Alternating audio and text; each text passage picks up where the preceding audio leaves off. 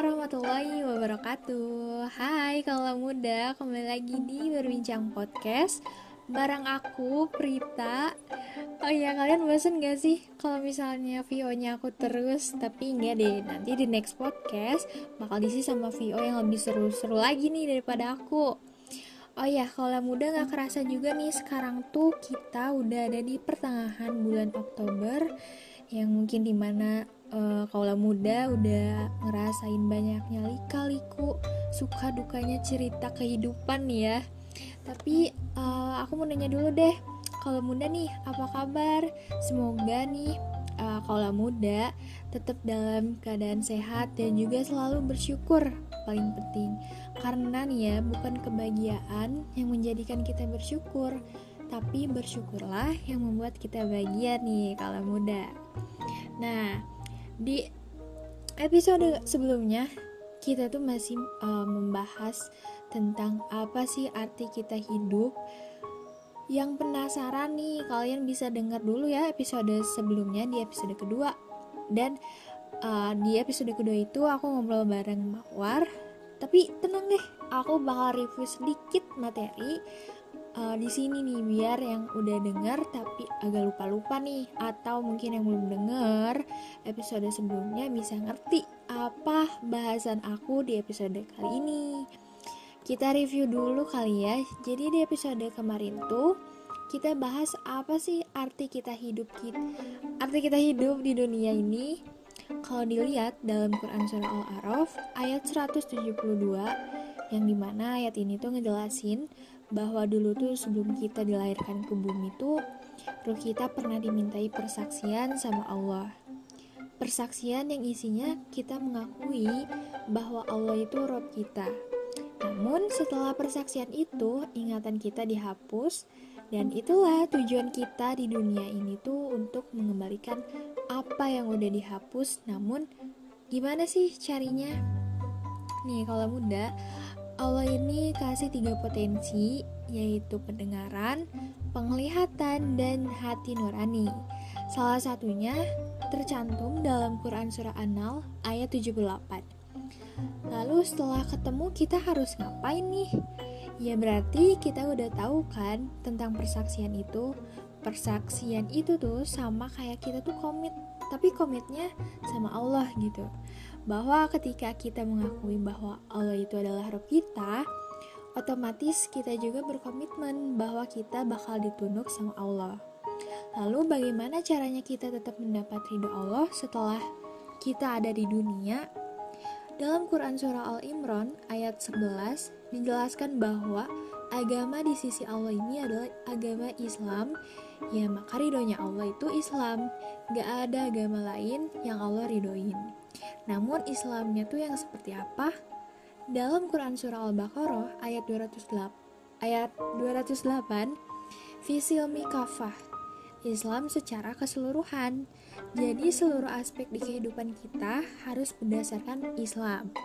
Baru Islamnya ini secara keseluruhan gitu kalau mudah Dan di episode kali ini nih ya aku tuh bakal bahas pertanyaan baru ya, yang tentunya masih nyambung sama episode sebelumnya. Kalau hidup kita tuh buat nyari ridho Allah, lalu action apa sih yang harus kita lakuin? Terus tujuannya Allah itu nyiptain manusia buat apa sih? Pernah gak sih kepikiran pertanyaan pertanyaan-pertanyaan kayak gitu? Kita bahas yuk! Nah,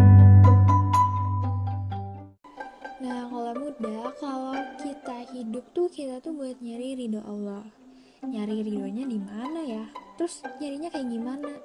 Seperti yang di episode lalu, kita uh, tepatnya aku dan Mawar tuh singgung, gak singgung sih, reminder lah bahwa Islam itu adalah ridho Allah. Islamnya yang bagaimana? Ya, yang di mana seluruh aspek kehidupan kita tuh diatur oleh Islam Nah, ini nih yang nyambung sama pertanyaan tujuan Allah tuh nyiptain kita tuh buat apa. Bisa dibuka nih dalam Quran Surah Az-Zariyat ayat 56 yang artinya Aku tidak menciptakan jin dan manusia melainkan untuk beribadah kepadaku. Dari ayat ini menjelaskan bahwa Allah tuh nyiptain manusia itu hanya untuk beribadah, bahkan di ayat ini tuh sampai ada dua penekanan tidak dan melainkan. Yang berarti Allah nyiptain manusia itu ya tugasnya cuman buat beribadah kalau muda. Terus ibadah itu apa ya? Ibadah itu adalah semua yang dilakukan dengan niat untuk mengabdi hanya kepada Allah.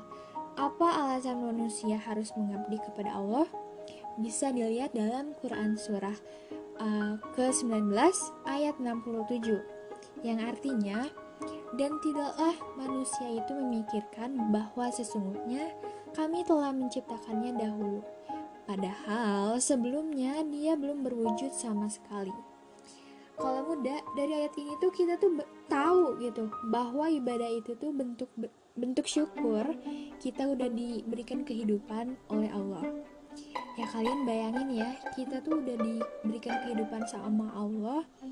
Ibadah juga tujuan Allah nyiptain manusia dan dengan kurang ajarnya kamu gak mau beribadah gitu. Hmm. nah kita kan hidup buat beribadah sebagai bentuk rasa syukur. Berarti sama aja nih kalau muda. Arti hidup ya sama dengan ibadah. Loh kok tapi di episode sebelumnya kita hidup buat cair ridho Allah ya? Bentar dulu, jangan salah paham nih kalau muda. Coba buka ya di Quran surah ke-98 ayat kelima. Dari ayat itu tuh kita dikasih tahu bahwa ada tiga syarat ibadah yang Allah kasih. Kayak ibaratnya tuh guru ngasih tugas, uh, pasti ngasih syaratnya tuh misalkan harus ditulis tangan nih, terus nggak boleh ada banyak coretan, nggak boleh ada tip X, harus clear uh, catatannya, pengumpulan deadline-nya. Nah, kalau kalau Allah juga sama kasih kita tugas dan juga kasih syaratnya biar kita ngerti gimana cara jalanin tugas itu. Namun bedanya Allah ini gak ngasih tahu deadline-nya kapan. Maka dari itu kita harus ngejalanin tugasnya dengan sebaik mungkin kalau muda. Mungkin karena gak ada kesempatan kedua kalau Allah itu. Kalau guru kan kita bisa minta perbaikan ya, minta remedial contohnya. Nah, kalau tugas dari Allah itu nggak ada yang namanya perbaikan. Makanya kita harus maksimal dalam melaksanakan tugas tersebut. Kita baik lagi nih. Jadi apa aja ya syarat yang Allah kasih buat ibadah? Yang pertama, kalau muda ada ikhlas. Pasti rata-rata orang mengartikan ikhlas tuh adalah nggak pamrih nih ya. Gak ngeharapin imbalan lah Coba deh kita buka lagi di Quran Surah Al-Ikhlas ayat 1 sampai 4. Apa coba isinya? Apa menceritakan tentang kepamrihan? Enggak kan? Gak mungkin kan kita tuh udah beribadah capek-capek, tapi sama Allah tuh gak dikasih pahala. Jadi ikhlas tuh apa sih? Kalau dalam ayat ini, ikhlas itu murni, atau keesaan Allah, atau juga ketauhidan.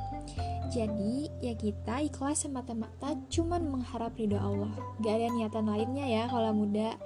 Awas ya, ridho sama ikhlas itu beda.